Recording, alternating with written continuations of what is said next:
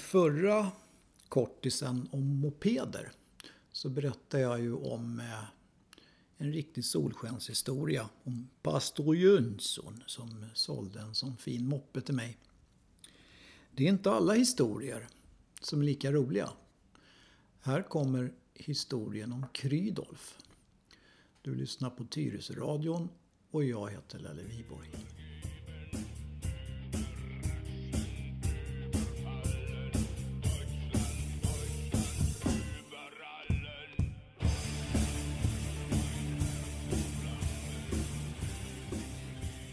Rydolf. Ja, det kallade jag en moppe som jag hade och gjorde i ordning.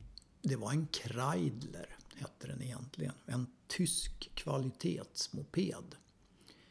Jättefin. Orange var den. Blanka skärmar.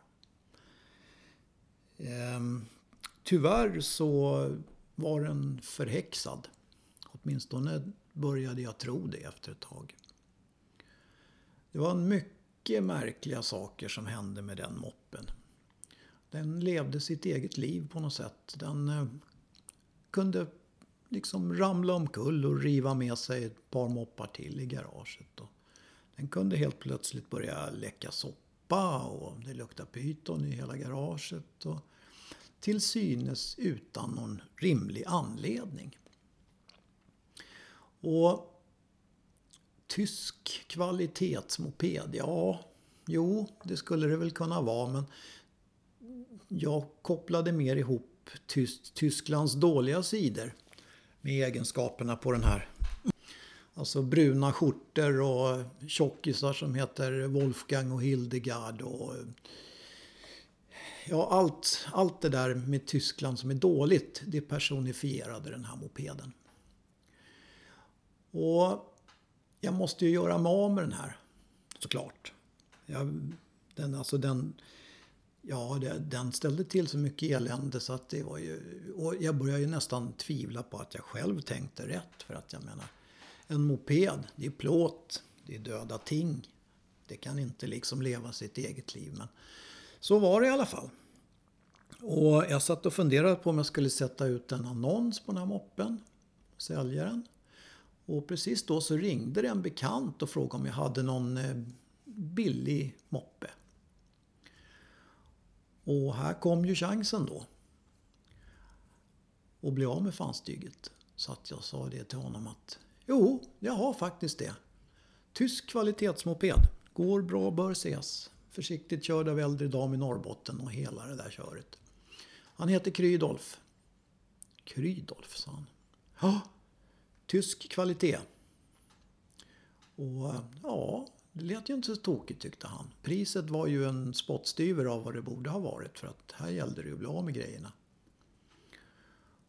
Och han kom, min kompis, och jag visste ju mycket väl att eh, han var ju duktig på det här med att köra moppe och sånt så det var ju inga konstigheter. Så att, ja, vi släpade ut Krydolf och han startade lätt och fint och min kompis där, han for iväg och jag tyckte inte att, att det kändes riktigt bra. Alltså, man visste aldrig riktigt vad Krydolf kunde ta sig för.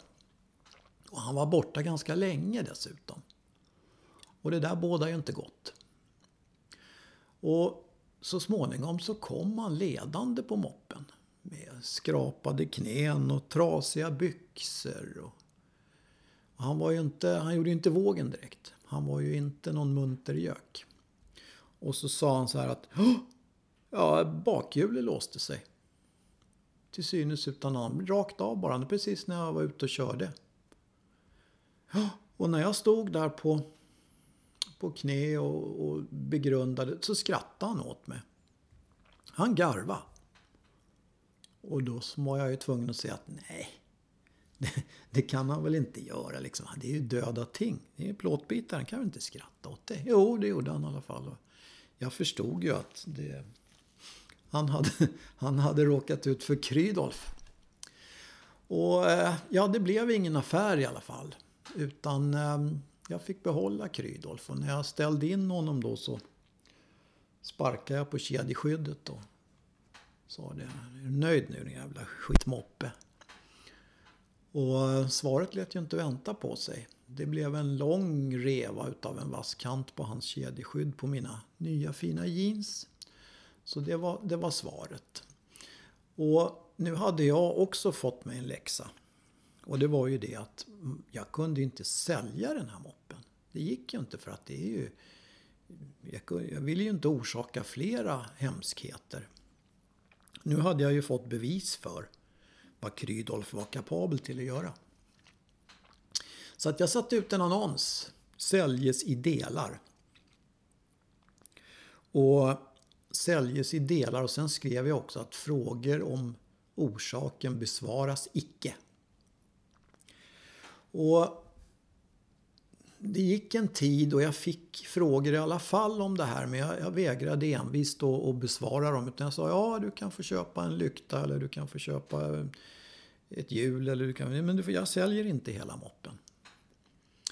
Och till slut då så var det en kille nere från Gnesta som, som ringde upp och sa att ja men du jag har ett par sådana där och jag skulle behöva lite delar och sådär. Och då sa jag det att okej, okay, du kan få köpa Krydolf. Det är helt okej okay alltså. Men då måste jag berätta hela historien. Och så drog jag den här historien för honom. Och han var alldeles tyst ett tag och jag förstod ju att han trodde nog inte att jag var riktigt klok. Men jag fick i alla fall honom att skriva på, skriva på ett papper om att jag inte tog något som helst ansvar för den här mopeden och vad den kunde ställa till med. Och det gjorde vi i två papper, likalydande exemplar som det så fint heter. Och så skrev vi på det där. Och vad jag vet så gick det här vägen. Det kanske var så att när han fick eh, skruva isär den här moppen så försvann förbannelsen. Eller vad det nu var för någonting. Ehm, maximal otur. Nej, jag tror nog nästan inte att det var maximal otur. Att det här var nog någonting alldeles speciellt. Och var du än är nu Krydolf så hoppas jag att du inte har ställt till något mera elände. Så det var historien om Krydolf. Jag heter Lelle Viborg och du lyssnar på Tyresö radion.